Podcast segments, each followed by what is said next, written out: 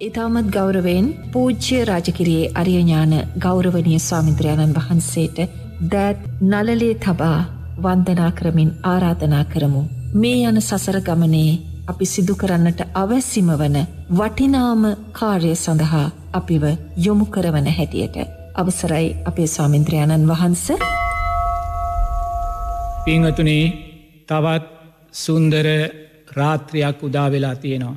අද පිංහතුල්ලාගේ ජීවිතවලට බොහොම සුන්දර දවසක් පිංහතුනේ. මොකද අදවැනි දවසකයි ඒ ධර්මාසෝක අධිරාජයාගේ ලෙයින් උපන් එමීදු මහෝත්තමයාණන් වහන්සේ උතුම් චතුරාර් සත්‍ය ධර්මයන්ගේ උරුමය අපිට ලබා දුන්න දවස. ඔබත් මමත් සැබවින්ම පින්වන්තයි පිංහතුනේ. අවුරුදු දෙදස් ගානක් ගෙවිලගියත් ඒ උතුම් චතුරාර් සත්‍ය ධර්මයන් මේ මොහොතෙත් අප ශ්‍රවනය කරන්නේ ඒ උතුම් පින්වන්ත භාවය තුළ සුන්දර ජීවිතයක් ලැබුව නිසාමයි පිංහතුනේ. එනිසා ඔබ දක්ෂ වෙන්න එදායේ මිහිදු මහෝත්තමයාණන් වහන්සේගේ අනන්ත වූ කරුණාවෙන් මේ උතුම් පිම්බිමට දායාද කරපු ඒ උතුම් චතුරාර් සත්‍ය ධර්මයන් ජීවමානව පවතින මේ මොහොතේ ඔබ අධිෂ්ඨානයක් ඇති කරගන්න. මේ සුන්දර පොසොන් පසලොස්සක පෝය දවසේ ඔබ නිවසේ සැටිය මත වාඩි වෙලා සිරස ගුවන් විදිලියට සවන් දෙන මේ මොහොතේ ඔබෝය ජැනිල් කවුළුවෙන් ආකාසේ ඈත බැලුවොත් ඔබට පෙනේවි සුන්දර නවයවුන් පොසොන් පසලොස්සක සඳ පිංහතුනි ප්‍රභාශ්වරව ආලෝකමත්ම බබලන හැටි. ඒ සුන්දර පොසොන් පසලොස්සක සඳවතිය අපි හැමෝටම නැවත නැවතත් සිහිපත් කරනවා සියලු සංස්කාරයෝ වෙනස් වෙලා යනවා. අතීතයේ සම්මා සම්බුද්ධ ශාසන ලක්ෂ ගානක් අනිත්‍ය භාවට පත් වෙලා ගියා වෙනස් වෙලා ගියා ඒ වගේ මයි මේ උතුම් අදවැනි දවසක අපි උරුමය ලැබූ මේ උතුම් චතුරාර් සත්‍ය ධර්මයනුත් කවදාහරි දවසක පිංහතුනේ අතුරු දහං වෙලා යනවා. වෙනස් වෙලා යනවා නිත්‍ය භාවට පත් වෙලා යනවා. එනිසා ඔබ දක්ෂ වෙන්න. මේ සුන්දර රාත්‍රිය පිංහතුනේ ඒ උතුම් චතුරාර් සත්‍ය ධර්මයන් තුළ ජීවිතය විසිරෝල දකින රාත්‍රියක් බවට පත්කරගන්න. විදර්ශනාත්මක රාත්‍රියක් බවට පත්කරගන්න පිංහතුනේ මේ උදාවුන මේ සුන්දර රාත්‍රිය පංච නීවරණයන්ට අයිති රාත්‍රියක් නෙමේ පිංහතුනේ. ඒ වගේම මේ උදාවුන සුන්දර රාත්‍රිය සප්ත බොජ්ජංගයන්ට අයිති රාත්‍රියක් නෙමේ මේ රාත්‍රිය අයිති පිංහතුනේ හේතු පල ධර්මයන්ටමයි. රාත්‍රිය අයිති රාත්‍රියටමයි පිංහතුනේ උදෑසන පායල තිබ්බ හිරු අවරට යද්දී රාත්‍රිය උදා වෙනවා. ආයමත් හෙට උදෑස්සන හිරු නැවත මුදුන් වේවි මුළු පරිසරේ මාලෝකමත් වේවි. එනිසා රාත්‍රිය කියන්නේ සුන්දර හේතුඵල ධර්මයක් මයි. ඒ සුන්දර හේතුඵල ධර්මයේ සුන්දර රාත්‍රිය කියෙන අර්ථය අපි පංච නීවරණයන්ගෙන් පුරවා ගන්නෙත්. අපි සප්ත බොජ්ජංගයන්ගෙන් පුරවා ගන්නෙත් අපේ දක්ෂභාවය අදක්ෂභාවය මතමයි පිංහතුනේ එනිසා ඔබ දක්ෂ වෙන්න මේ උදාවුන රාත්‍රිය සුන්දර විදර්ශනාත්මක රාත්‍රියක් බවට පත්කර ගන්න කියලා.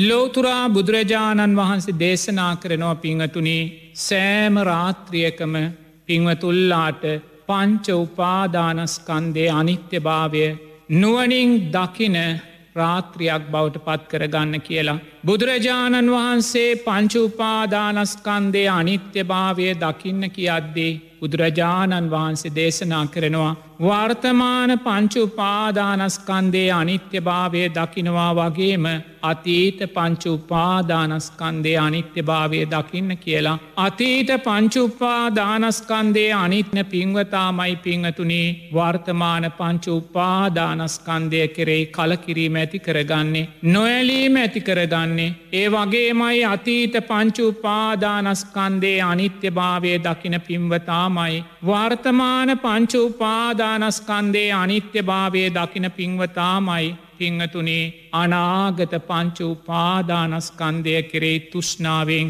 බැහැරවෙන්න පිංහතුනේ තුෂ්නාවෙන් තොරවෙන්න තුෂ්නාව නිරෝධය කරලදාන්නේ. එනිසා පිංහතුල්ලා දක්ෂ වෙන්න මේ සුන්දර පොසොන් පසලොස්සක පොය දවසේ ඒ මිහිදු මහෝත්තමයාණන් වහන්සේට කෘතවේදී වෙන්න පිංහතුනේ. ඒ මිහිදු මහෝත්තමයාණන් වහන්සේ යම් වීර්යක් යම් කැපවීමක් යම් කරුණාවක් මේ සුන්දර පිම්බිමට දැක්වුවද මේ මොහොතේ ජීවත්ව සිටින අප වෙනුවෙන්නේ දැක්වා වූ අප්‍රමාණ කැපවීම වීරය කරුණාව වෙනුවෙන් එමිදු මහෝත්තමයාණන් වහන්සේට කෘතවේදී වෙන්න. එනිසා පිංහතුනේ මේ සුන්දර රාත්‍රිය ඔබ පංච උපාදානස්කන්දේ අනිත්‍යභාවය දකිමින් පිංහතුනේ විදර්ශනාත්මක රාත්‍රියක් බවට පත්කරගන්න. අපි පංච උපාදානස්කන්දේ අනිත්‍යභාවය දකින්න නම් පිංහතුනේ ඊට සුදුසුකමක් තියෙන් ඕනේ. ඒ සුදුසුකම තමයි සම්මා සමාධිමත් හිතක් පිංහතුනේ. අද ඔබ පන්සලට යන්න ආරන්නට යන්න පුළුවන්කමක් තිබුණෙ නැහැ. ගෙදරින් බැහැරට යන්න පුළුවන්කමක් තිබුණෙ නැහැ ඔබ අනිවාර්යෙන්ම තමන්ගේම නිවසේ ඉඳං සුන්දර සීලයන් සමාදං වෙන්න ඇති. සද්ධර්මයන් ශ්‍රවනය කරන්න ඇති බුද්ධානුස්සතිය දම්මානුස්සතිය සංගානුස්සතිය මොහොතක් හෝ ජීවිතය තුළින් මෙනෙහි කරන්න ඇති. මෛත්‍රී භාවනාවන් මොහොතක් හෝ මෙනෙහි කරන්න ඇති. එනිසා පිංහතුනේ මේ මොහොත ඔබේ සිතානිවාර්යෙන්ම සම්මා සමාධිමත් සිතක් බවට පත්වෙලා ඇති කියලා භික්‍ෂුව විශ්වාස කරනවා. ඒත් මේ මොහොතේ ඔබේ සිතේ ඒ සම්මා සමාධිමත් භාවය සකස් වෙලා නැත්තං. ඒ කියන කාමච්චන්ද ව්‍යාපාද තීනමිද්ද උද්දච්චකුක් කුච්ච විචිකිච්චාවන් සිතේ එහා මෙහා යනවනම් පිංහතුනේ අංචුපාදානස්කන්දේ අනිත්‍ය භාවය දකින්න පුළුවන්කමක් නැහැ. ඔබ සප්ත බොජ්ජංග වැඩුනා වූ සිතක් සකස් කරගන්න ඕනේ එනිසා පිංහතුනේ ඔබ මොහොතක් දෑස් දෙක පියාගෙන සිතේ සමාධිමත් භාවය ශක්තිමත් කරගන්න. සිතේ පංච නීවරණයන් මතුවෙනවනං මතුවෙලා තියෙනවනං ඒවා තුනී කරගන්න සති දම්ම විජය වීර ප්‍රීති පස් අධි සමාධී මේ සුන්දර ධර්මතාවයන් මෝදු කරගන්න. සම්මා සමාධිමත් හිත කියන්නේ හේතුඵල ධර්මයක් මයි පිංහතුනේ ඒ හේතුඵල ධර්මය තමයි උතු මාරෂ්ඨාංගික මාර්ගයේ පලය ඔබ සම්මා දිට්ටි සම්මා සංකප්ප සම්මා වාචා සම්මා කම්මන්තෝ සම්මා ජීවෝ සම්මා වායාමෝ සම්මා සති මේ ධර්මතාවයන් ඔබේ ජීවිතය තුළින් පුහුණු කරපු කෙනෙක් නං පිංහතුනේ ඉන් ලැබෙන්න්නා වූ පලයයි සම්මා සමාධිමත් හිත. එනිසා පිංහතුනේ ඔබ මොහොතක් මේ සුන්දර රාත්‍රිය විදර්ශනාත්මක රාත්‍රියක් බවට පත්කරගන්න පිංහතුනි ඊට උපකාරක ධර්මයන් සකස් කොට දෙන සුන්දරම ධර්මතාවය වන සම්මා සමාධිමත් හිතක් උදෙසා දෑස් දෙක පියාගන්න පිංහතුනේ ඔබ මේ සිරස ගුවන් විදුලිය ඉදිරියේ වාඩි වෙලා ඔබ සමහරවිට පුටුවක වාඩි වෙලා ඉන්න පුළුවන්. ඔබේ සයනය මත දිගා වෙලා ඉන්න පුළුවන්.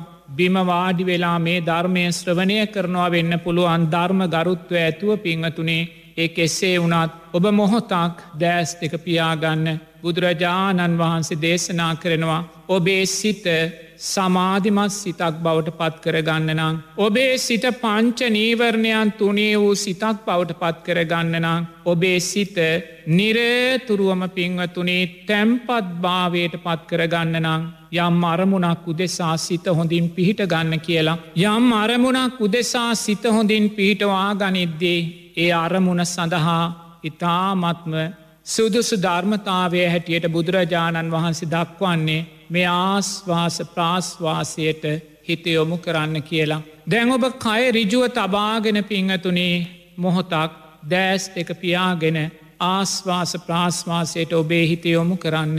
අපි මේ සම්මා සමාධිමත් හිතක් ඇති කරගන්න යන්නේ පිංහතුනේ මේ ගෝර කටුක භයානක සංසාරයේ අප්‍රමාණූ ජාති ජරාව්‍යාදි මරණ දුක දැකලා පිංහතුනේ මේ ජාති ජරාව්‍යාදි මරණ දුකෙන් මිදන්න නං අපි මේ පංච උපාදානස්කන්දේ අනිත්‍ය භාවය දකින්න අවබෝධ කරන්න ඕනය කියනේ උතුම් ධර්මතාවය දැකලා ඇස් පනාපිට පිංහතුනේ මේ විපාක දෙන්නා වූ බලවත් කොරෝනා අකුස්සලේ ඇතුළු මේ බලවත් ආර්ථිකයන් කඩා වැටීමේ අකුසල්වල විපාකයන් අපි ඇස්වලින් දැකලා පිංහතුනේ අපි විදර්ශනාත්මක සිතක් ඇති කරගන්න යන්නේ. බුදුරජාණන් වහන්සේ දේශනා කරනවා පිංහතුනී මේ ලෝකධාතුවේ ශේෂ්ඨම කුසලය බවට පත්වෙන්නේ විදර්ශනාත්මක කුසලයයි කියලා. පිංහතුනී ඔබ ගිහි ජීවිතයක් ගත කරන පින්වතුල්ලා ඔබලා රැකීරක්ෂා ව්‍යාපාර කරන පින්වතුල්ලා ඒ වගේමයි විවාහ ජීවිත ගත කරලා දවා දරුවන් මොනුපුර මිනිපිරියන් පෝෂණය කරන පින්වතුල්ලා වස්තුව දේපල පරිහරණය කරන පින්වතුල්ලා ඔබ හිතන්න පුළුවන් අපිට විදර්ශනා නුවනෙන් ඇති පලය කුමක්ද කියලා. ලෞකික සැපසම්පස් සමඟ ජීවත්වෙන අපිට විදර්ශනාත්මක නුවනක් ලබාගන්න ගියොත් අපේ ලෞකික සැපසම්පත් විනාසවේ ඒවා කරේ කලකිරීම ඇතිවෙයි කියලත් ඔබට බියක් ඇතිවෙන්න පුළුවන් සම්මාධිට්්‍යයේ දුර්වල භාවයක් තිබොත් පිංහතුනේ. එනිසාම පිංහතුල්ලා සිතන්න දක්ෂ වෙන්න බුදුරජාණන් වහන්සේ දේශනා කරනවා. ඔබ මේ මොහොතේ මේ සමස්ත සමාජයටම විපාක දෙන මේ බලවත් කොරෝනා අකුසලය වගේම සමස්ත ජාතියේම මේ ආර්ථිකය කඩාවැටීම දිසාවට අපි මුහුණ දෙන්නා වූ බලවත් අනතුරු මේ අකුසල් දැකලා ඒ අකුසල් සියුම් කරලා කුසලය මතු කරගන්න මේ ලෝක ධාතුව තුළ තියෙන ශේෂ්ඨම ධර්මතාවය විදර්ශනාත්මක කුසලයයි කියල පිංහතුනේ. ඒ විදර්ශනාත්මක කුසලයෙන් ඉක්මවා යන්න කුසල් ධර්මතාවයක් මේ ලෝක ධාතුව තුළ නෑ පිංහතුනේ එනිසා ඔබ දක්ෂ වෙන්න මේ මොහොතේ බුරබුරා නැගෙන මේ අකුසල් සංස්කාරයෝ දමනය කර ගැනීම උදෙසා මේ අකුසල් සංස්කාරයන් යටපත් කරගෙන නැගී සිටීම උදෙසා කුසලයෙන් ශක්තිමත්වීම උදෙසා මේ සුන්දර විදර්ශනාත්මක රාත්‍රියයේදී විදර්ශනාවට අදාළව ඒ සුන්දර කුසල් ධර්මයන් ජීවිතයට එකතු කරගන්න පිංහතුනේ. ඔබ තුළ ඇතිවෙන මේ විදර්ශනාත්මක නුවන ඔබ භවයෙන් එතර කරනවා වගේම ඔබ භවයෙන් එතර වෙන්න අකමැති කෙනෙක් නං පිංහතුනී ඒ සුන්දර විදර්ශනාත්මක කුසලය ඔබට මේ ලෝකධාතුවේ මනුස්සෙක් ලබන්නා වූ ශේෂ්ඨම කුසල් ධර්මයන්ගේ විපාකයන් තමන්ගේ ජීවිතයට ලබල දෙනවා. ඕනෑම බලවත් අකුස්සලයක් යටපත් කරගෙන ශක්තිමත්ව නැගී සිටීමට ජවය ඔබට ලබල දෙනවා පිංහතුනි. මොහොතක් දෑස් දෙක පියාගෙන පිංහතුනේ ආස්වාස ප්‍රාශ්වාසයට හිතියොමු කරන්න.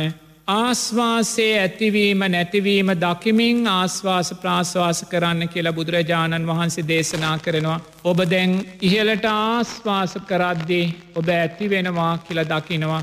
ඒ ආස්වාසය නාසයෙන් පිට කරද්දී නැති වෙනවා කියල දකිනවා. ඒ ආස්වාස ප්‍රාශ්වාසයේ ඇතිවීම නැතිවීම දකිමින් ආස්වාස ප්‍රාශ්වාස කරන්න කියලා බුදුරජාණන් වහන්සේ දේශනා කරනවා. ඔබ ආයාසයෙන් ආස්වාස ප්‍රාශ්වාස කරන්නේ පාපිංහතුනේ ඔබ ස්භාවික වාස්වාස් ප්‍රාශ්වාසය කරන්න. නිරේතුරුවම ඔබේ මේ ගණ කයත් මේ ලේ මස් සම් නැට නහරවලින් හැදුණු ගණ කයත් ඔබේ මේ ආස්වාස පාස්වාස කයත් වෙන්කොට දකිනතෙක් ආස්වාස ප්‍රාශ්වාස කරන්න. ඔබ ආස්වාස ප්‍රාශ්වාසය කෙරෙයි සිත හොඳින් තැන්පත්වෙද්දි පිංහතුනී. හිත හොඳින් සමාධිමත්වෙද්දී. ඒ ආස්වාස ප්‍රාශ්වාසය කෙරෙයි හිත හොඳින් බැස ගනිද්දී පිංහතුන්ට දැනේවි.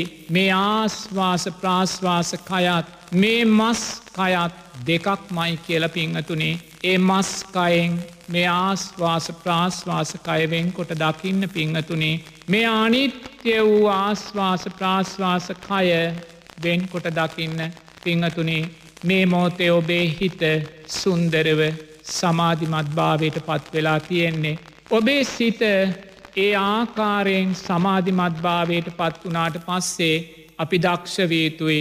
ඒ සම්මා සමාධිමත් හිත උපයෝගී කරගෙන මේ රාත්‍රිය සුන්දර රාත්‍රයක් බවට පත්කරගන්න පංච උපාදානස්කන්දේ අනිත්‍ය භාවය නුවනින් දකින්න පිංහතුනේ දැම්මං හිතනවා ඔබ මේ මොහොතේ පසුවෙන්නේ සම්මා සමාධිමත් හිතෙන් කියලා. ඔබේ සිත තාමත් සමාධිමත් භාවයට පත්වෙලා නැත්තං ඔබ ආයමත් පිංහතුනේ ආස්වාස ප්‍රාශ්වාසයට හිතයොමු කරන්න. ආශ්වාසය ඇතිවීම නැතිවීම ඇතිවීම නැතිවීම දකිමින් ආශ්වාස කරන්න ප්‍රාශ්වාසය කරන්න හිත කොතනකටවත් යන්න දෙන්නේ පාපිංහතුනේ නාසේ අගට හැම වෙලාම සිත පිහිටව ගන්න. සිත විසිරුණොත් සිත බැහැරට ගියොත් ගැටෙන් එපා ඔබ කලබල වෙන්න එපා ඒ විසිරුණා වූ සිතානිත්‍යයි කියලා දැකලා ආයිමත් ආශ්වාස ප්‍රාශ්වාසයට හිතියොමු කරන්න.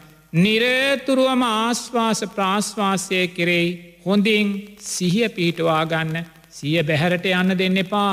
සමහර පින්වතුල්ලා අපිට ඇවිල්ල කියනවා සාමීන් වහන්ස මම් භාවනා කරනවා. මං භාවනා කරන්නේ ආනාපාන සති භාවනාව කියල කියනවා. ආනාපාන සති භාවනාව කරද්දී මීට වඩා වෙනස් ස්භාවයකුණුයි අපි ආශ්වාස ප්‍රාශ්වාසයට හිත යොමු කරන්නේ එකත් ඔබ තේරුම් ගන්න ඕනේ. ඔබ ආනාපාන සතිය පුහුණු කරද්දේ ඔබ නිරේතුරුවම ආශ්වාසය ඇතිවීම නැතිවීම නෙමේ දකින්න ඕන පිංහතුනේ. ඔබ ආනාපාන සති භාවනාව පුහුණු කරද්දේ නිරේතුරු ඔබ ආස්වාස ප්‍රාශ්වාසයේ තියෙන්න්න වුස්ස භාවික භාවය දක්මින් ජීවත් වෙනවා. ඇතිවීම නැතිවීම දකින්න විදර්ශනා පැත්තෙදි පිංහතුනේ. ආනාපාන සති භාවනාවේදී කුමක් දාස්වාස් ප්‍රාශ්වාසය තුළ සිද්ධ වෙන්නේ එය දකිමිනුයි ජීවත්වෙන තියෙන්නේ. මුලින් මොබ ආස්වාස ප්‍රාශ්වාසය තුළින් ආනාපාන සති භාවනාවට යොමු වෙලා සිත සමාධිමත් කරගන්න හිතන කෙනෙක් නං සමාජයේ විවිධ ක්‍රමවේදයන් තියෙනවා පිංහතුනේ. මං මුලින් සඳහන් කර එක ක්‍රමවේදයක් ආස්වාස ප්‍රාශ්වාසය ඇතිවීම නැතිවීම දකිමින් හිත සමාධිමත් භාවයට අරං යනවා. දෙවැනි ක්‍රමය පිංවතුනී ආනාපාන සතිභාවනාවේ මුල් අධියරයන් තුළින් සිත සමාධිමත් භාවයට අරං යනවා. ඔබ ආනාපාන සතිභාවනාව තුළින් හිත සමාධිමත් කරගන්න දක්ෂ කෙනෙක් නං කැමති කෙනෙක් නං පිංහතුනේ ඔබ එතනදී ආස්වාස ප්‍රාශ්වාසයට හිතයොමු කරන්න. කයිරිජුවතියාගෙන පිංහතුනේ ඔබ නිරේතුරුවම ආස්වාසේ ස්වභාවේ නුවනින් දකිමින් ඉන්න. ඔබ මුලින් ආස්වාසයට හිති යොමු කරද්දී ආස්වාසේ දිගභාවයයි ඔපට සිහියට නැගෙන්නේ. ඔබ දකින්නේ ආස්වාසේ ස්භාවය දිගයි කියල පිංහතුනේ ඔබ වේගෙන් හුස්ම ගන්නවා.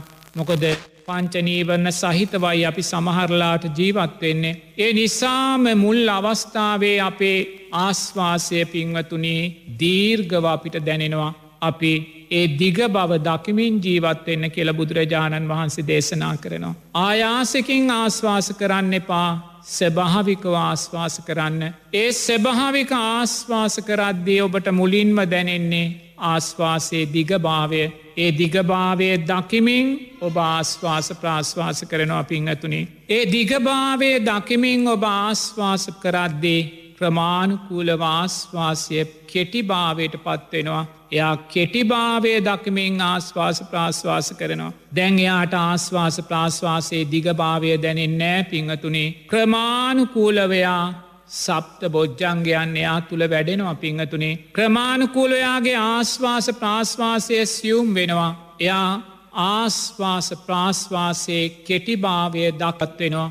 බැහැරට යන්න දෙන්න එපා. සිත බැහැරට ගියොත් ආයිමත් ආස්වාසයේ දිගභාවයට පත්වේවි. එනිසා නිරේතුරුවම සිත ආස්වාස ප්‍රාශ්වාසය කෙරෙයි රිජුව පිහිටවා ගන්න පිංහතුනේ. දැන් ඔබේ ආස්වාස ප්‍රාශ්වාසය කෙටි. ඔබට සුරන්රැල්ල කෙටියටයි දැනෙන්නේ ඔබ එය දකිමින් ජීවත්වෙන්න පිංහතුනේ ආස්වාසේ කෙටිභාවය දකිමින් ජීවත්වෙද්දී බුදුරජාණන් වහන්සේ දේශනා කරනවා දැන් ඔබට ආස්වාස්‍ය ප්‍රාශ්වාසය නාසේ අගට දැනෙන් නෑ කියල පිංහතුනේ. ආස්වාස ප්‍රාශ්වාසය සංසිඳෙනවා පිංහතුනේ. මේ ගොරෝසු කය දැන්සියුම් වෙනවා. දැන් ඔබට නාසයෙන් ආස්වාස ප්‍රාශ්වාසයක් දැනෙන්නේ නෑ පිංහතුනේ. සියුම් ආස්වාස ප්‍රාශ්වාස කය උදරය හරහා ක්‍රියාත්මක වෙනවා ඔබට තේරෙනවා. ඔබ ඒ උද්දරය හරහා ක්‍රියාත්මක වෙන ආස්වාස ප්‍රාශ්වාසය දෙස දකිමෙන් ජීවත්වෙන්න හිතන්න යන්න එපා හිතුවොත් ආයිමත් කය ගොරෝසු වෙනවා ආස්වාසය ගොරෝසු වෙනවා. ගොරෝසු වෙලා පින්වතුනි ආයිමත් ආස්වාසය දිගභාවයට පත්වෙනවා. එනිසා දැන් ඔබේ නාසයෙන් ආශ්වාස ප්‍රාශ්වාසය ඔබට දැනෙන්නේ නැහැ. ඔබ උදරය තුළ ක්‍රියාත්මක වෙන සියුම් ආස්වාස්‍ය ප්‍රාශ්වාසය දෙස නුවනින් දකිමින් ජීවත්වෙනවා පිංහතුනේ. නැවත නැවතේ ආස්වාසය ප්‍රාශ්වාසයේ සියුම් වායෝධාතුව උදරය තුළ ක්‍රියාත්මක වෙන වායෝධාතුව ඔබ නුවනින් දකිමින් ජීවත්වෙනවා පිංහතුනේ බුදුරජාණන් වහන්සේ දේශනා කරනවා. ඔබේ සියුම් මාස්වාස ප්‍රාශ්වාසය උදරයක් තුළ ක්‍රියාත්මක වෙන ආශ්වාස ප්‍රාශ්වාසය දකිමින් ජීවත්වෙද්දී.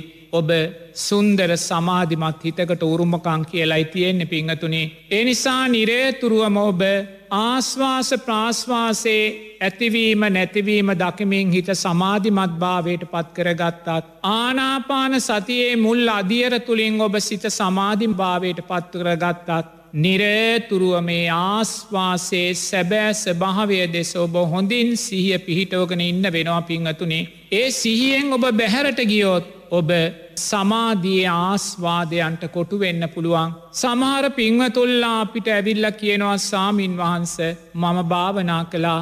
හොඳට මගේ හිත සමාධිමත් වනා එක පාට්ට මාව නොදැනී යනවා. මට කිසි දෙයක් දැනෙන්නේ නෑ මාව නොදැනී යනවා කියනවා. සමහරු කෙනවා මාව පාවෙනවා කියලා. තවත් සමහරු කෙනවා මාව උඩ යනවා කියලා. ඒ වගේ පිංහතුනේ මේ සමාධිමත් සිත අප්‍රමාණු ආස්වාදයන්ට අපිව කොටු කරනවා. එනිසා නිරේතුරුවම සතිය සිහිය ඉතා වැදගත් පින්වතුනේ අරමුණ කෙරෙහි. ඒ ආස්වාස ප්‍රාශ්වාසය කෙරෙහිත් ඇතිකරගත්තා වූ සිහිය ඔබ පොඩ්ඩක්වත් බැහැරට ගන්න එපා. බැහැරට ගත්තොත් සිතාස් වාදේ පින්වතුනේ සුන්දර ලෝකයන්ට ඔබ අරන්ගිහිල්ලා ඔබ සැබෑ අරමුණෙන් බැහැරට යනවා පිංහතුනේ එනිසා භාවනා කරද්දේ සිත සමාධිමත් වෙද්දේ ඔබව නොදැනී යනවා වගේ ඔබට දැනීමක් ඇති වෙනවනං නිරේතුරුවම ඔබ දැනෙන භාවය නැවත ඇති කරගන්න පිංහතුනේ. ආශ්වාස ප්‍රාශ්වාසයට හිත යොමු කරලා ඒ නොදැනෙන ස්භාවය දැනෙන ස්භාවයක් බවට ආයිමත් පත් කරගන්න. ඔබ උඩ යනවා පා වෙනවා වැනි සිතුවිලි සකස් වුනොත් ඒ සෑම සිතුවිල්ලක්ම ඒ මොහොතෙම චිත්තානු පස්සනාවෙන් අනිත්‍ය වශයෙන් දැකලා ආයිමත් ආස්වාස ප්‍රාශ්වාසයට හිත ඇති කරගන්න භාවනාවේ ආස්වාදයට උපක්ලේෂයන්ට අටවෙන්න එපා පිංහතුනේ දැන් ඔබ ආස්වාස ප්‍රාශ්වාසයේ ඇතිවීම නැතිවීම දකිමින් හෝ ආනාපාන සති භාවනාවේ මුල් අදියර තුළින් පිංහතුනේ ඔබේ සිත දැන් සමාධිමත් සිතක් බවට පත්වෙලා නේද. කාමච්චන්ද ව්‍යාපාද තීනමිද්ද උද්දච්චකු කුච්ච විචිකිච්චාවන් තුනී වෙලා නේද පිංහතුනේ මේ මොහොත තියෙන්නේ. එනිසා පිංහතුනේ මේ පංච නීවරණ තුනී කොට ගත්තා වූ සප්ත බොජ්ජංගයන් වැඩුනා වූ මේ සුන්දර සම්මා සමාධිමත් හිත විදර්ශනාත්මක හිතක් බවට මේ විදර්ශනාත්මක රාත්‍රියේදි පත් කරගන්න ඔබ ඔය සම්මා සමාධිමත් හිතෙන් පිංහතුනේ නිරේතුරුවම මේ වර්තමාන පංචුපාදානස්කන්දේ අනිත්‍ය භාවය නුවනින් දකින්න කියලා බුදුරජාණන් වහන්සේ දේශනා කරනවා. එනිසා ඔබ ලබාගත්තා වූ පුහුණු කලා වූයේ සුන්දර සම්මා සමාධිමත් හිතට මේ ලෝකධාතුවේ දිය හැකි ශේෂ්ඨම වටිනාකම දෙන්න පිංහතුනේ. ඒ ශේෂ්ඨම වටිනාකම ඔබට දිය හැක්කේ ඒ සම්මා සමාධිමත්විත උපයෝගී කරගෙන මේ වර්තමාන පංචුපාදානස්කන්දේ අනිත්‍ය භාවය දකින්න පංච උපාදානස්කන්දය කියල ලෝතුරා බුදුරජාණන් වහන්සේ දේශනා කරන්නේ මේ රූප වේදනා සංඥා සංකාර විඤ්ඥාන කියන ධර්මතාවයන්ට අයිපිංහතුනේ. බුදුරජාණන් වහන්සේ දේශනා කරනවා අපි බැඳුනොත් බැඳී යන්නේ පංචූපාදානස්කන්දයට මයි කියලා. ඔබත් මමත් මේ මොහොතේත් මේ ලෝකයට බැඳිලතියෙන්න පිංහතුනේ මේ පංචූපාදානස්කන්දය කෙරේ තුෂ්නාව නිසාමයි මේ ජාති ජරාව්‍යාදි මරණ ලෝකය මගේ කරගෙන ජීවත් වෙන්නේ. මේ පංච උපාදානස්කන්දය කරේ තුෂ්නාව නිසාමයි. ඒ වගේමයි යම් දවස්සකාතීතේ සාරිපුත්ත මහෝත්තමයාණන් වහන්සේ අසෝදරා උත්තමාවිය මේ ලෝකයෙන් නිවී ගියානං. ඒ නිදහස් වනෙත් පංච උපාදානස්කන්දයෙන් මයි කියලයි ලෝතුරා බුදුරජාණන් වහන්සේ දේශනා කරන්නේ ඒ නිසා පිංවතුනේ ඔබ දෑස් පියාගෙන මේ රූපවේදනා සංඥා සංකාර විඤ්ඥානයන්ගේ අනිත්‍ය භාවය නුවනින් දකින්න පිංහතුනේ ඔබේ අධ්‍යාත්මික රූපය දෙස මොහොතක් හිතියොමු කරන්න මේ ඇස කණනාසය දිව ශරීරය මනස හැටියට ගත්තාත් මේ පටවි ආපෝ තේජෝවායෝ සතර මහාධාතුව හැටියට ගත්තාත් මේ කෙස් ලොම් නිය සම්දත් මස් සැටනහර මේ දෙතිස් කුණුපය හැටියට ගත්තාත් මේක නිරතුරුවම අනිත්‍ය වූ ඉරියව් පවත්වන කයක් හැටියට ගත්තාත් මේක අට්ටික සංඥාවක් හැටියට ගත්තාත් මේක මරණානුස්සතියක් හැටියට ගත්තාත් පිංහතුනී අපි ඒ සෑම ධර්මතාවයක් තුළින්ම දකින්නේ මේ රූපේ අනිත්‍ය භාවයයි. මේ රූපේ දුක භාවයමයි මේ රූපේ අනාත්ම භාවයමයි පිංහතුනේ. එනිසා මොහොතක් දෑස්තියාගෙන මේ රූපේ අනිත්‍ය භාවය දකින්න මේ ඇස කණනාසය දිව ශරීරයේ මනස්සේ අනිත්‍ය භාවය දකින්න පිංහතුනේ. මේ රූපය කොයිසා මමය මගේය කියලා අපි පෝෂණය කළත් මේ රූපය නිත්‍යයි සැපයි ස්තිරයි සුබයි ආත්මයි කියලාරගෙන පෝෂණය කළත් පිංහතුනේ මේ රූපය ජාති ජරාව්‍යාදි මරණයන්ට ලක්වෙන රූපයක් මයි පිංහතුනේ එනිසා ඔබ නිරේතුරුවම මේ රූපේ අනිත්‍ය භාවය දකින්න. ඔබ රූපේ අනිත්‍ය භාවය මේ වර්තමාන රූපස්කන්දේ අනිත්‍ය භාවය දකින්න බියවෙන්න එපා පිංහතුනේ යම් පිංවතෙක් ප්‍රශ්නයක් නගන්න පුළුවන් අපි ගිහි පිංවතුල්ලා කාමයන් තුළ ජීවත්වෙන පිංවතුල්ලා අපි කොහොමද මේ රූපය අනිත්‍ය වශයෙන් දැකලා අපි ඒ කාම සම්පත් ජීවිතයට එකතු කරගන්නේ. අපේ ගිහි ජීවිත අපි සතුටෙන් ගත කරන්නේ කොහොමද කියලා කෙනෙකුට හිතන්න පුළුවන් ඒ සිතුවිල්ල සකස් වෙන සම්මාධිත්‍යයේ දුර්වල භාවයන් නිසා මයි පිංහතුනේ. ඔබ අද දවසේ විවාහවෙච්ච කෙනෙක් වෙන්න පුළුවන්. ඔබ මේ සුන්දර රාත්‍රියයේ මදු සමය ගත කරන දෙපලක් වෙන්නත් පුළුවන් පිංහතුනේ. ඒත් ඔබ දෙපලටත් විදර්ශනාව අහිමි නෑ පිංහතුනේ. මොකද බුදුරජාණන් වහන්සේ ගිහි පින්වතුල්ලාවන ඔබලාට පංච සීලේ ආරක්ෂාව තුළ ඉඳලා කාමයන් තුළ හැසිරීමේ නිදහස දීලා තියෙනවා පිංහතුනේ. ඒ නිදහස ඔබට අයිති විදර්ශනාවෙන්ගේ නිදහස ඔබට අහිමි කරන්නෑ පිංහතුනේ. එනිසා ඔබ අද දවසේ විවාහුණ දෙපලක් වුණත් හෙට දවසේ විවාහවෙන්න බලාපොරොත් වෙන දෙපලක් වුණත් ඔබ විදර්ශනාවට බියවෙන්නේ පා පිංහතුනේ විදර්ශනාව ඔබට ශක්තියක්මයි. විදර්ශනාව මේ ලෝකධාතුවේ ඔබේ ජීවිතයට කුසලය ශක්තිමත්ව එකතු කරලා දෙන ධර්මතාවයක් මයි. විදර්ශනාව ඔබේ ජීවිතයේ අකුසල් යටපත් කරගෙන ඔබේ ජයග්‍රහණයන් මතු කරලා දෙන ධර්මතාවයක් මයි. එනිසා ගිහි පින්වත් ඔබ විදර්ශනාවට බියවෙන්නේ පාපිංහතුනේ දෑස්පියාගෙන රූපේ අනිත්‍ය භාවය දකින්න.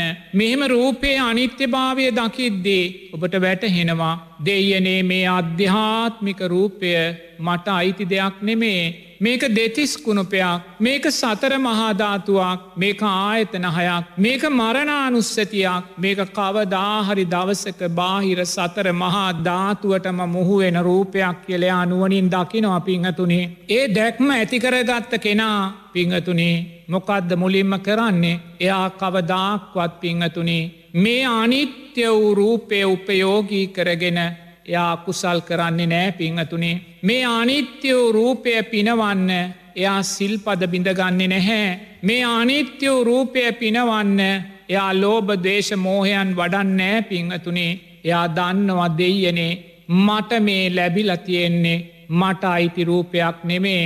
මට මේ ලැබිල තියෙන්නේ අවිද්‍යාවෙන් උපන් රූපයක්. මේ අවිද්‍යාව ඉපදුනේ චතුරාර් සත්‍ය නොදැක්ම නිසා මයි ඒ නිසායා නුවනින් දකිනවා දෙයනේ චතුරාර් සත්‍ය නොදැන්ම නිසාම මේ ඉපදුනා වූ මේ රූපය විඤ්ඥාන පච්චයා නාමරූපන් නාමරූප පච්චයා සලාඇතනම් මේ ආයතන හය පිංහතුනී එයා දන්නවා අනිත්‍ය වූ ධර්මතාවයක් මයි කියලා. එයා ඒ අනිත්‍ය වූ ධර්මතාවය නිසා පිංහතුනේ නැවත නැවත සංසාරය දික්කරගන්න උත්සාහගන්නේ නැහැ. නැවත නැවත අකුසල් වඩලා තව තව ජරාව්‍යාදි මරණයන්නේ දුක්විඳින්නයා උත්සාහගන්නේ නැහැ. යා නිරේතුරුවම මේ රූපය අනිත්‍ය වශයෙන් දැකලා පංච උපාදානස්කන්දය අනිත්‍ය භාවයට අදාළව මේ අධ්‍යාත්මික රූපස්කන්දයා විදර්ශනාවෙන් දකිමින් පිංහතුනේ තමන්ගේ කුසල් ශක්තිය ශක්තිමත් කරගන්නවා. තමන්ගේ කුසල් ශක්තිය ශක්තිමත් කරද්දී. නැවත නැවතයා විදර්ශනාත්මකව රූපය දකිද්දේ පිංහතුනේ සංසාරයේ අපි පුහුණු කලා වූ විදර්ශනාත්මක දැනීම් තියෙනවා අපි තුළ ඒ විදර්ශනාත්මක දැනීම් මතු වෙලා අපේ විදර්ශනාත්මක ශක්තිය ඒ වීර්ය පිංහතුනේ අපිට තව තව වැඩි කරලා දෙනවා. එනිසායා නිරේතුරුවම දැන් අධ්‍යාත්මික රූපේ අනිත්‍ය භාවය දකිනවා. දැකලා ඊළඟට පිංහතුනීයා බාහිර රූපයේ අනිත්‍ය භාවය දකිනවා. මේ මොහොතේ මේ ඇසට කනට නාසයට දිවට ශරීරයට මනසට අරමුණු වෙන සෑම රූපයකම අනිත්‍ය භාවය එය අනුවනින් දකිනවා පිංහතුනේ අද දවස්සේ මේ සුන්දර පොසොන් පසලොස්සක සඳ ප්‍රභාශ්වරව බබලන මේ සුන්දර දවසේ වැඩිපුරම මතකට නැගුණු රූපය කුමක්ත කියල ඇහුවොත් ඒ ලෝතුරා බුදුරජාණන් වහන්සේගේ රූපය මයි පිංහතුනේ. මිහිදු මහෝත්තමයාණන් වහන්සේගේ රූපයමයි මහා සංගරත්නය කියන රූපයන් මයි පිංහතුනේ ඔබ දෑස් දෙක පියාගෙන ඒ බාහිර රූපයන්ගේ අනිත්‍ය භාවය නුවනින් දකින්න දැන් ඔබ අධ්‍යාත්මික රූපය අනිත්‍ය භාවය නුවනින් දැක්ක පිංහතුනේ. ලෝතුරා බුදුරජාණන් වහන්සේගේ ඒ දෙතිස් මහා පුරුෂ ලක්ෂණයන්ගෙන් බබලන ඒ සුන්දර රූපකාය සිහියට නගාගන්න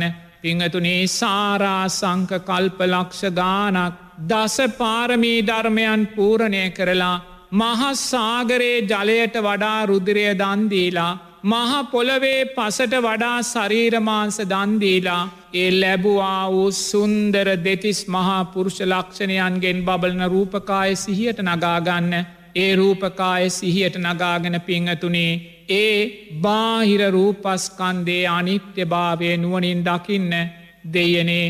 ලෝතුරා බුදුරජාණන් වහන්සේ මේසා සුන්දර රූපකාය උරුම කරගත්තාත් පිරිනිවන් මංචකේ පිංහතුනේ ඒ රූපකාය පිංහතුනේ ජරාව්‍යාදි මරණයන්ට පත්වන හැටි නුවනින් දකින්න. ඒ පූජනී අලු ගොඩක් ධාතුන් වහන්සේලා ගොඩක් බවට පත්වනා කියන කාරණය නුවනින් දකින්න පිංහතුනේ මොහොතක් දෑස්තියාගෙන ලෝතුරා බුදුරජාණන් වහන්සේගේ දෙතිස්මහා පුරුෂලක්ෂණයන්ගෙන් බබල්න රූපකායත් මහපොලවේ බාහිර සතර මහා ධාතුවත් පිංහතුනේ එකක් කොට දකින්න අරසා සුන්දර දෙතිස් මහා පුරුෂ ලක්ෂණයන්ගෙන් බබලපු ඒ බුදුරජාණන් වහන්සේගේ පටවිධාතුව මහපොලවේ පටවිධාතුවටම මොහුණා පිංහතුනේ අලු බවට පත්සුනා පස් බවට පත්වනා ධාතුන් වහන්සේලා බවට පත්වනා බුදුරජාණන් වහන්සේගේ දෙතිස් මහා පුරුෂ ලක්ෂණයන්ගෙන් බබලපු රූපකාය තුළ තිබුණ ඒ අධ්‍යාත්මිකවායෝ ධාතුව බාහිරවායෝ ධාතුවටම මුහුවෙලා ගියා පිංහතුනේ බුදුරජාණන් වහන්සේගේ දෙතිස් මහා පුරුෂ ලක්ෂණයන්ගෙන් බබලපු රූපකාය තුළ තිබුණ අධ්‍යාත්මික තේජෝ ධාතුව බාහිර තේජෝ ධාතුවටම මුහු වෙලා ගියා පිංහතුනේ. බුදුරජාණන් වහන්සේගේ සුන්දර දෙතිස් මහා පුරුෂ ලක්ෂණයන්ගෙන් බබල්න රූපකාය තුළ තිබුණ එ ආපෝ ධාතුව බාහිර පරිසරේ ආපෝ ධාතුවටම මුහුණා පිංහතුනේ සාරා සංක කල්ප ලක්ෂ ගානක් දස පාරමී දන් පුරලා ඒ ලැබුවා වූ සුන්දර දෙතිස් මහා පුරුෂ ලක්ෂණයන්ගෙන් බබලන රූපකාය පිංහතුනේ බාහිර සතර මහා ධාතුවට මුහුණානං බුදුරජාණන් වහන්සේගේ රූපකායත් බාහිර සතර මහා ධාතුවත් පිංහතුනේ දෙකක් කොට දකින්න එපා එකක් කොට දකින්න ඒ සතර මහා ධාතුව බාහිර සතර මහා ධාතුවටම මුහු වෙලා ගියා කියලා නුවනින් දකින්න පිංහතුනේ බුදුරජාණන් වහන්සේ තුළෙන් සුන්දර කායානු පස්සනාව බාහිර රූපස්කන්දේ අනිත්‍ය භාවය මතු කළ දකින්න මීදු මහෝත්තමයාණන් වහන්සේගේ රූපකාය සිහියට නගාගන්න අද වැනි දවසක ඒ මිහිදු මහෝත්තමයාණන් වහන්සේ මේ පිම්බර දේශය කෙරේ පිංහතුනේ කරුණාවෙන් මෛත්‍රියෙන් වීර්රයෙන් මේ දේශයට වැඩම කරලා පිංවතුනී මේ උතුම් චතුරාර් සත්‍ය ධර්මතාවයන් මේ මොහොත දක්වා ජීවමානුව පවතින ආකාරයෙන් මේ ශාසන ධර්මයන් නැති කරලා අවවාද ධර්මයන්දීලා පිරිනිවී ගියා පිංහතුනේ ඒ සුන්දර මීදු මහෝත්තමයාන්සේගේ රූපකාය පිංහතුනී මොහොතක් ඒ රූපස්කන්දේ අනිත්‍ය භාවය දකින්න. ඒ රූපස්කන්දේ අනිත්‍ය භාවය දකින්න ඔබ මීදු මහෝත්තමයාණන් වහන්සේ කියද්දි සාධකාර දුන්නා පමණයි පිංහතුනී අද දවස පුරාවට කළේ ඔබ සද්ධර්මයක් ස්වවනය කරද්දේ ඔබ සාධකාර දුන්නා මීදු මහෝත්තමයාණන් වහන්සේ තුළින් ඔබ ධර්මය දැක්කෙ නෑ පිංහතුනේ. ඒ නිසා මේ සුන්දර රාත්‍රියයේ මීදු මහෝත්තමයාණන් වහන්සේ කියන අර්ථය තුළින් ධර්මය දකින්න ඔබ කොහොමද ධර්මය දකින්නේ. ඔබ දෑස් පියාගන පිංහතුනේ මේ සුන්දර සම්මා සමාධිමත් හිතෙන් පංච උපාදානස්කන්දේ රූප උපාදානස්කන්දේ අනිත්‍ය භාවයයි මතු කරගන්නේ පිංහතුනේ ඒ මීදු මහෝත්තමයාණන් වහන්සේගේ සුන්දර රූපකාය පිරිනිවන් පාපු වෙලාවේ අලු ගොඩක් ධාතුන් වහන්සේලා ගොඩක් වුණානුවනින් දකින්න. ඒ මිහිදු මහෝත්තමයාණන් වහන්සේගේ පටවියාපෝතේ ජෝවායෝ සතර මහා ධාතුව පිංහතුනේ බාහිර සතර මහා ධාතුවට මුහුලා කියල දකින්න අන්න පිංහතුනේ මීදු මහෝත්තමයාණන් වහන්සේ තුළින් ධර්මය දැක්ක වෙනවා කුමක් දේ ධර්මය අවිද්‍යානිරෝධා සංස්කාර නිරෝධෝ. සංස්කාර නිරෝධා විඤ්ඥාන නිරෝධෝ. විඤ්ඥාන නිරෝධා පිංහතුනේ ජාති ජරාව්‍යාදි මරණ නිරෝධෝ. සුන්දර ධර්මතාවයක්.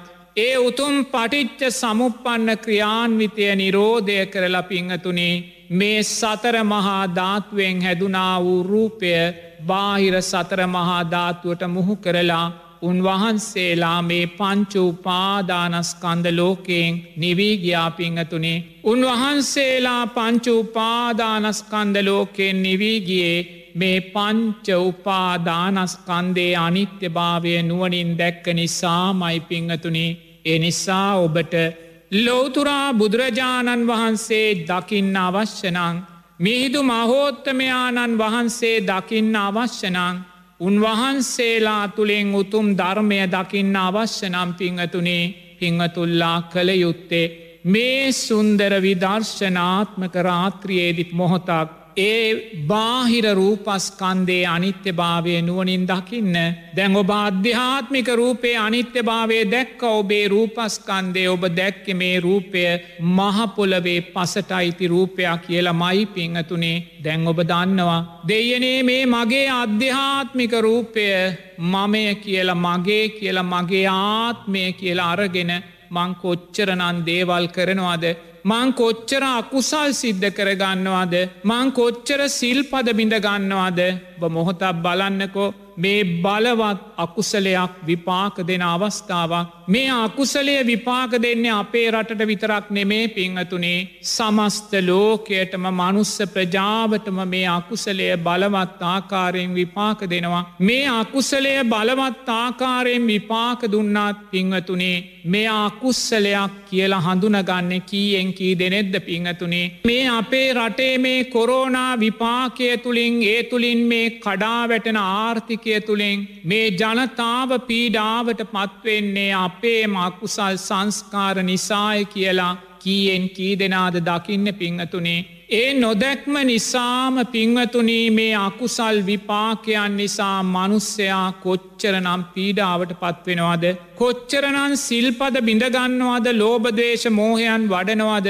සම්මා සංකප්ප සම්මා වාචා කම්මන්තෝ ආජීවයන් දුර්වල කරගන්නවාද පිංහතුනේ බලන්න. රටේ ගොවි මහත්තුරු කෑගහනවා තමන්ට මිල ලැබෙන්නෑ කියලා. ගෙවල්වල ඉන්න පාරිභෝගිකයක් කෑගහනවා අපිට මිල වැඩී කියලා පිංහතුනේ මොකක්ද මේ වෙන්නේ අනේ මෙවන් බලවත් අකුසලයක් විපාක දෙද්දිත් පිංවතුනේ අපි හදන්නේ අකුසලය තුළින් කීයක්කෝ වැඩියෙන් හම්බු කරගන්න. එලෝලු කිලෝ එහෙකනුත් මාළු කිලෝ එහෙකනුත් වෙනයම් දේකනුත් අපිට පුළුවන්නන් අපි කීයක්කෝ වැඩියෙන් හම්බු කරගන්න මයි උත්සාහ ගන්න. ඇයි පිංහතුනේ රූපය අනිත්‍යයි කියල දකින්නේ නැහැ. අනේ මේ රූපය අනිත්‍යයි මේක අවිද්‍යාවේ උපන් රූපයක්. අවිද්‍යාව කියන්නේ චතුරාර්ය සත්ත නොදැනීමයි. චතුරාර්ය සත්ත නොදැනීමෙන් උපදිනා වූ මේ රූපය පිංහතුනේ උපයෝගී කරගන්නේ තවත් රූපයක් උපාදනය කොට ගැනීම උදෙසාමයි. උපාදාන පච්චයා බවෝ බව පච්චයා ජාති ජාති පච්චයා ජරා මරණං සෝක පරිදේව දුක්ක දෝමනස්ස රූපය තවත් රූපයක් උදෙස්සාම යොමු කරගන්නවා පිංවතුනේ සුන්දර අවස්ථාවක් ඔබට ලැබිල තියෙනවා. අකුසලයක් විපාක දෙන්න පිංවතුනී දක්ෂයාට ලෝකයෙන් මිදිල යන්නමයි. අකුසලයක් විපාක දෙන්නේ අදක්ෂයාට සතරාපාය උරුම කර දෙන්න මයි පිංහතුනේ මේ සුන්දර රාත්‍රියේදී. සම්මා සමාධිමත් හිතෙන් විදශ්ශනාව නුවන මතු කරගත්ත රාත්‍රියේදී පිංහතුනි ඔබේ ගැනත් මොහොතක් හිතන්න ඕනේ. මේ රූපය අනිත්‍ය වශයෙන් නොදකින නිසාම මේ රූපය නිත්‍යයි සැපයි ස්තිරයි සුබයි ආත්මයි හැටියට දකින නිසාම පිංහතුනේ මේ රූපය මමය කියලා අරගෙන මේ රූපය මගේ කියලා අරගෙන මේ රූපය මගේ ආත්මය කියලා අරගෙන පිංහතුනේ මුලින්ම අකුසල් කරගන්න එපා තමන් සතුටට කැමති වගේම මේ මොහොතේ තවත් කෙනෙක් සතුටු කරන්න බලන්න. ඔබ සතුටට කැමති වගේම පිංහතුනේ හැමෝම සතුටෙන් ඉන්න කැමති කියන කාරණය හිතන්න. ඔබ සතුටු වෙලා අනුංව දුකට පත් කරන්න එපා. ඔබ යමකින් පින්වතුනේ අනවශ්‍ය ආකාරයෙන් ජනතාව දන්න එපා. නිරේතුරුවම මේ සියලු ව්‍යාසනයන් සකස් වෙන්න මේ රූපය කරේ ඇතිකර ගන්නා වූ තුෂ්නාව නිසා මයි පිංහතුනේ මේ රූපය නිත්‍යයි සැපයි ස්තිරයි සුබයි මමයි මගේ කියල ගන්නා වූ නිත්‍ය සංඥාව නිසා මයි එනිසා ඔබ දක්ෂ වෙන්න ඔබ කුමන තරාතිරමක කෙනෙක් කුමන ව්‍යාපාරයක් කරන කෙනෙක් වුණත් කමක් නෑ. මේ සුන්දර රාත්‍රියේදි පිංහතුනේ මොහොතක්කෝ මේ රූපය අනිත්‍ය වශයෙන් දකින්න. ඔබ මේ රූපය අනිත්‍ය වශයෙන් දකිද්දී ඔබට හිතේ විදෙයනේ මට අයිති නැති මේ රූපය. කවදාහරි දවසක මහපොළවට පස් වෙලා යන රූපය. අනේ මං කවදාක්වත් අනුන්ගේ දුක උදෙසා යොමු කරන්නේ නැහැ. අනුන් පීඩාවට පත්කිරීම උදෙසා මම යොමු කරන්නේ නැහැ. මේ අවිද්‍යාවේ උපන් රූපය මම අවිද්‍යාවේ නිරෝධය උදෙසාම යොමු කරගන්නවා. මේ අවිද්‍යාවෙන් උපන් රූපය මම කුසල් ධර්මයන්ගේ ශක්තිය උදෙසාම යොමු කරගන්නවා පිංහතුනේ ඒම හිතන්න පුළුවන් සම්මා සමාධිමත් හිතක් දැන් ඔබට තියෙනවා. ඒ තුළින් ඔබ සුන්දර විදර්ශනාත්මක සිත් මතු කරගන්නවා පිංහතුනේ එනිසා ඔබ නිරේතුරුව දක්ෂ වෙන්න මේ සුන්දර රාත්‍රියේදී පිංහතුනේ පංචුපාදානස්කන්දේ වර්තමාන පංචුපාදානස්කන්දේ අනිත්‍ය භාවයට අදාළව පිංහතුනේ මේ අධ්‍යාත්මික රූපයත් ඒ වගේම පිංහතුනේ බාහිර රූපේත් අනිත්‍ය භාවය දකින්න ඒදමං ලෝතුරා බුදුරජාණන් වහන්සේ දේශනා කරනවා පිංහතුනේ අතීත රූපස්කන්දේ අනිත්‍ය භාවය දකින්න කියලා. අතීත රූපස්කන්දේ අනිත්‍ය භාවය දකිද්දේ ඔබ දෑස් පියාගෙන පිංහතුනේ ඒ පටිච්ච සමුපන්නවාවා වූ දීර්ග බවගමනට හිතයොමු කරන්න සාරා සංක කල්ප ලක්ෂ සියක් කෝටි ප්‍රකෝටි ගානක් ඈත ඉඳම් පටිච්ච සමුපන්න ආවා වූ ගමනක් අපි ඇවිල්ල තියෙනවා. ඒ ආවා වූ දීර්ග බවගමනෙදී ලෝතුරා බුදුරජාණන් වහන්සේ දේශනා කරනවා ඔබත් මමත් දෙතිස් මහා පුරුෂ ලක්ෂණයන්ගෙන් බබලන සක්විති රජ වෙලා ඉපදුනා පිංහතුනේ. සුජම්පතිය වෙලා ඉපදුනා සක්‍ර දෙවියන් වෙලා ඉපදුනා. සතරවරම් දෙවියන් වෙලා ඉපදුනා ස්ත්‍රී රත්නය වෙලා ඉපදුනා පිංහතුනේ. රජවරු වෙලා සිටුවරු වෙලා මැති ඇමතුවරු වෙලා දනකුවේරයන් වෙලා මහා පණ්ඩිත දැනුම ඇති අය වෙලා අපි උපත්තිය ලැබවා එවගේමයි පංච කල්්‍යයානෙන් බබලන්නා වූ සුන්දර රූපයන් අපි ලැබුව පිංහතුනේ එනිසා නුවනින් දකින්න ඒ සෑම රූපස්කන්දයක්ම වෙනස් වෙලාගයා පිංහතුනේ බුදුරජාණන් වහන්සේ දේශනා කරනවා මහපාරේ පනින කඩිරැලක් පෙන්නල මේ කඩිරැලේ ඉන්න සෑම කඩියෙක්ම සංසාරයේ සක්විති රජ වනා කියලා. පිංහතුනේ මොහොතක් හිතන්න නුවනින් දකින්න. මේ රූපේ අනිත්‍ය භාවයට අදාළව නුවනින් දකින්න පිංහතුනේ කොහොම දොබ දකින්නේ දෙයනේ සුන්දර සක්විති රජත් කඩියෙක් බවට පත්වනානං මේ රූපේ අනිත්‍ය භාවය දකින්න. මේ රූපේ අනිත්‍ය භාවය දකින්න අපි මේ රූපස්කන්දය මමය මගේය මගේ ආත්මය කියලා අරගෙන අපි අකුසල් කළොත් අපි සිල්පද බින්දොත් මේ සුන්දර රූපකාය පිංහතුනේ අනාගතයේ තිරිසන් සතෙක් බවට පත්වෙන්න පුළුවන්. පටිච්ච සමුපපන්න සර්පයෙක් බවට කෘමි සතෙක් බවට පත් කරන්න පුළුවන් පිංහතුනේ. එනිසා නිරේතුරුවම එය අතීත පංචුපාදානස්කන්දේ අනිත්‍ය භාවය දකින්න. කොයිසා සුන්දර ජීවිත ලැබුවත් එරැසෑම රූපයක්ම ජාති ජරා ව්‍යාදි මරණයන්ට ලක්වුණ හැටි නුවනින් දකින්න. සුන්දර දිව්‍ය තලවල ඉපදිලා රූපාවචරා රූපාවචර බ්‍රහ්ම තලවල ඉපදිලා ආයමත් අපි සතර අපායන්ට වැටුන හැටි නුවනින් දකින්න පිංහතුනේ මේ ලෝකධාතුව අලුතෙම් බිහිවෙන වෙලාවේ කල්ප විනාසයක් සිද්ධ වෙලා බිහිවෙන මේ නැවුම් ලෝකය තුළ මුලින්ම පිංවතුනී මේ නැවුම් ලෝකයට පාතබන්නේ ආබස්සරා බ්‍රහ්ම ලෝකයේ බ්‍රහ්මයෝ පිංහතුනේ. කල්ප විනාසයක් සිද්ධ වෙලා මේ පෘතුවියම ගිනි අරං විනාස වෙද්දේත් ඒ ආබස්සරා බ්‍රහ්ම ලෝකයේ බ්‍රහ්මයෝ විනාස වනේ නෑ පිංහතුනේ ඒසා පිනෙෙන් ආඩ්‍යයි ඒසා පිනෙෙන් ආඩ්ඩේ ආබස්සරා බ්‍රහ්ම ලෝකයේ බ්‍රහ්මයෝ ආලෝක සංඥාවෙන් මේ අලුතෙන් ඉපදුනා වූ මේ පෘතුවියට ඇවිල්ලා පිංහතුනී අර මහපොලවේ මිදිලා තිබ්බා වූයේ මී පැණිවැනි සුන්දර යොදය යෝගට් එකේ සුවඳ දැනිලා ඒවත් තොළගාලා අවසානෙ කය ගන වෙලා පිංවතුනේ මනුස්සෙයින් බවට පත් වනා කෞද මේ ආබස්සරා බ්‍රහ්මලෝකයේ සමාධිස්ුවයෙන් පසුවෙච්ච බ්‍රහ්මයෝ පිංහතුනේ එතනින් පටන්ගත්ත විනාසය පිංහතුනේ අද දක්වා මේ පටිච්ච සමුපන්න ලෝකය තුළ ගලාගෙන ඇවිල්ල තියෙනවා. ඒ නිසා පිංහතුනේ යම් තැනක රූපයක් ඉපදුනාද ඒ රූපය නිසාම පිංහතුනේ සලායතන පච්චයා පස්සෝ පස්ස පච්චයා වේදනා වේදනා පච්චයා තන්හා තන්හා පච්චයා උපාදානං උපාදාන පච්චයා බවෝ. භවපච්චයා ජාති ජරාව්‍යාදි මරණ දුකාපිට උරුමයි පිංහතුනේ. සුන්දර ආබස්සරා එදා බ්‍රහ්ම ලෝකේ ආලෝක සංඥාවෙන් පසුනා වූේ බ්‍රහ්මයින්ටත් පස්ස පච්චයා වේදනා වේදනා පච්චයා තන්හා ධර්මතාවය ඔස්සේ පිංහතුනේ උරුම වුණේ ජාති ජරාව්‍යාදි මරණයන් මයි පිංහතුනේ. ඒ අතීත රූපස්කන්දේ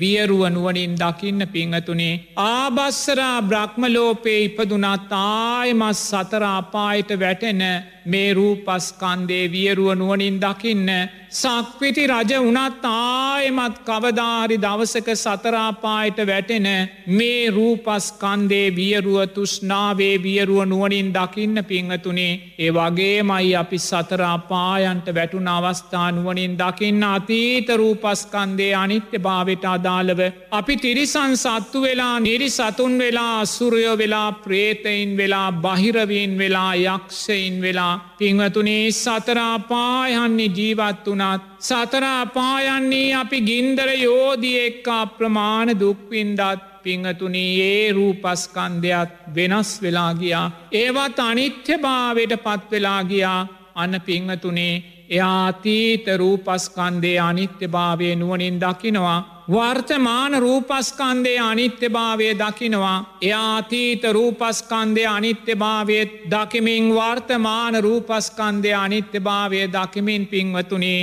එයා විදර්ශනාත්මක නුවන ඇති කර ගනිද්දේ. එයා ඇස දෙස බලද්දේ එයාට මේ ඇස විතරක් නෙමේ පේන්න පිංහතුනේ පටිච්ච සමුපපන්නාතී තැස් කෝටි ගානක් එයාට පේනවා. දෙයනේ පටිච්ච සමුපපන්න ක්‍රියාන්විතය තුළ සංසාරයේ මට ඇස් කෝටි ගානක් තිබ්බනේද සක්විති රජ වෙලාවෙ තිබ්බෑස් දෙක සක්‍ර දෙවියන් වෙච්ච වෙලාවෙ තිබ්බෑස් දෙක තිරිසන් සතෙක් වෙච්ච වෙලාවෙති මෙවැනි ඇස් පටිච්ච සමුපපන්න ඇස් කෝටි ගානක් බාහිර සතර මහා ධාතුවට මුහුවෙච්ච හැටියා නුවනින් දකිනො අපිංහතුනේ පටිච්ච සමුපපන්න කන් කෝටි ගානක් නාසය කෝටි ගානක් දිව සරීර මනස කෝටි ප්‍රකෝටි ගානක් සංසාරයේ ඒ පටිච්ච සමුපපන්න රූපස්කන්දයන් පිංහතුනේ බාහිර රූපස්කන්දයට මුහුවෙච්ච හැටියා නුවනින් දකිනවා. මේ මට කුළුඳුලේ ලැබුණු ඇස් දෙකක් නෙමේ. එයා නුවනින් දකිනවා මේ මට කුළුඳුලේ ලැබුණු කන් දෙකක් නෙමේ. එයා නුවනින් දකිනවා මේ මට කුළුඳුලේ ලැබුණු නාසයක් දිවක් ශරීරයක් නෙමේ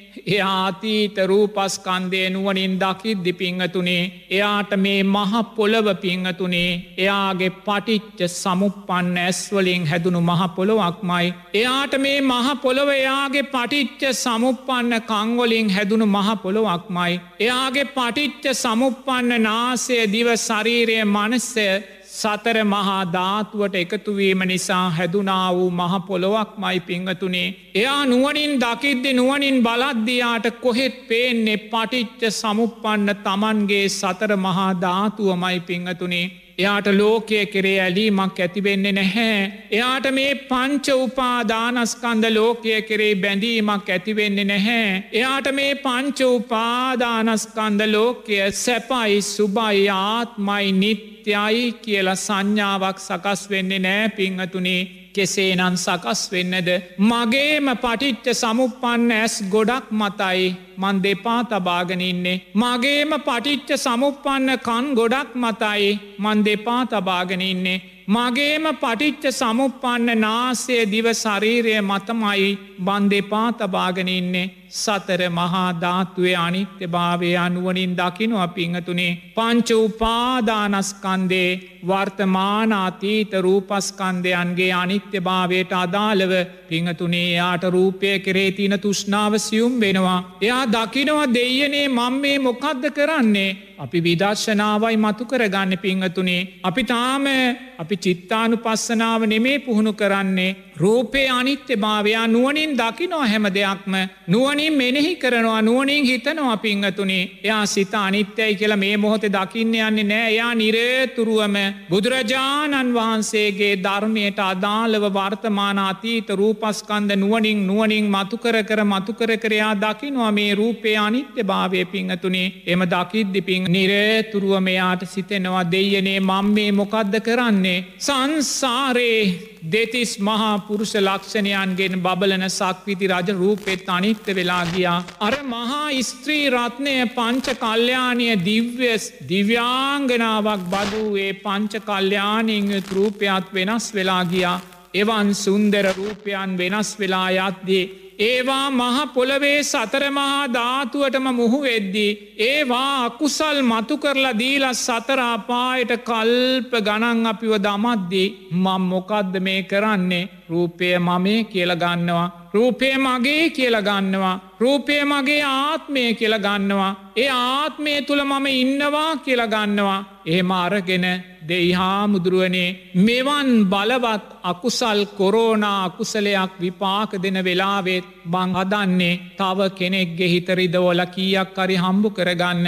තව කෙනෙක්ව දුකට පත් කරන්න පීඩාවට පත් කරන්න සංසාරයේ සක්විති රජපදවි ලැබුවත් සමස්ත ලෝකෙම බාණ්ඩාගාරය අයිතිකරු හැටියට මම හිටියත් ඒ බාණ්ඩාගාර සියල්ල මානිත්‍ය වෙලා ගියා. ඒ සියල්ලම දාලමං සතරාපායන්ට සංසාරි ගියා පිංහතුනේ. එයා නුවනින් මෙනෙහි කරනවා. එයා නුවනින් දකිනවා දෙයනේ මේ වර්තමාන රූපස්කන්දයක් අතීත රූපස්කන්දයක් අනිත්‍ය වූ රූපස්කන්දයක් මයි කියලා. එම දකිමින් පිංහතුනේ එයා අනාගත රූපස්කන්දයට බැඳෙන්නේ නැහැ. එයා අනාගතයේ මට මෙවැනි රූපයක් ලැබේවා මගේ මේ රූපය මේ ආකාරයෙන් පවතිවා කියන නිත්‍ය සංඥාවෙන් රූපය ගන්නෙ නෑ පිංහතුනේ. එයා අනාගතයේ මට නැවත දිව්‍ය රූපයක් ලැබේවා බ්‍රහ්ම රූපයක් ලැබේවා සුන්දර මනුස්ස රූපයක් ලැබේවා කියලා රූපය කෙරේ තුෂ්නාවක් ඇතිකර ගන්නේ නැහැ. ඇයි පිංවතුනේ යාතීත රූපස්කන්දේ අනිත්‍ය භාවය දැක්කා.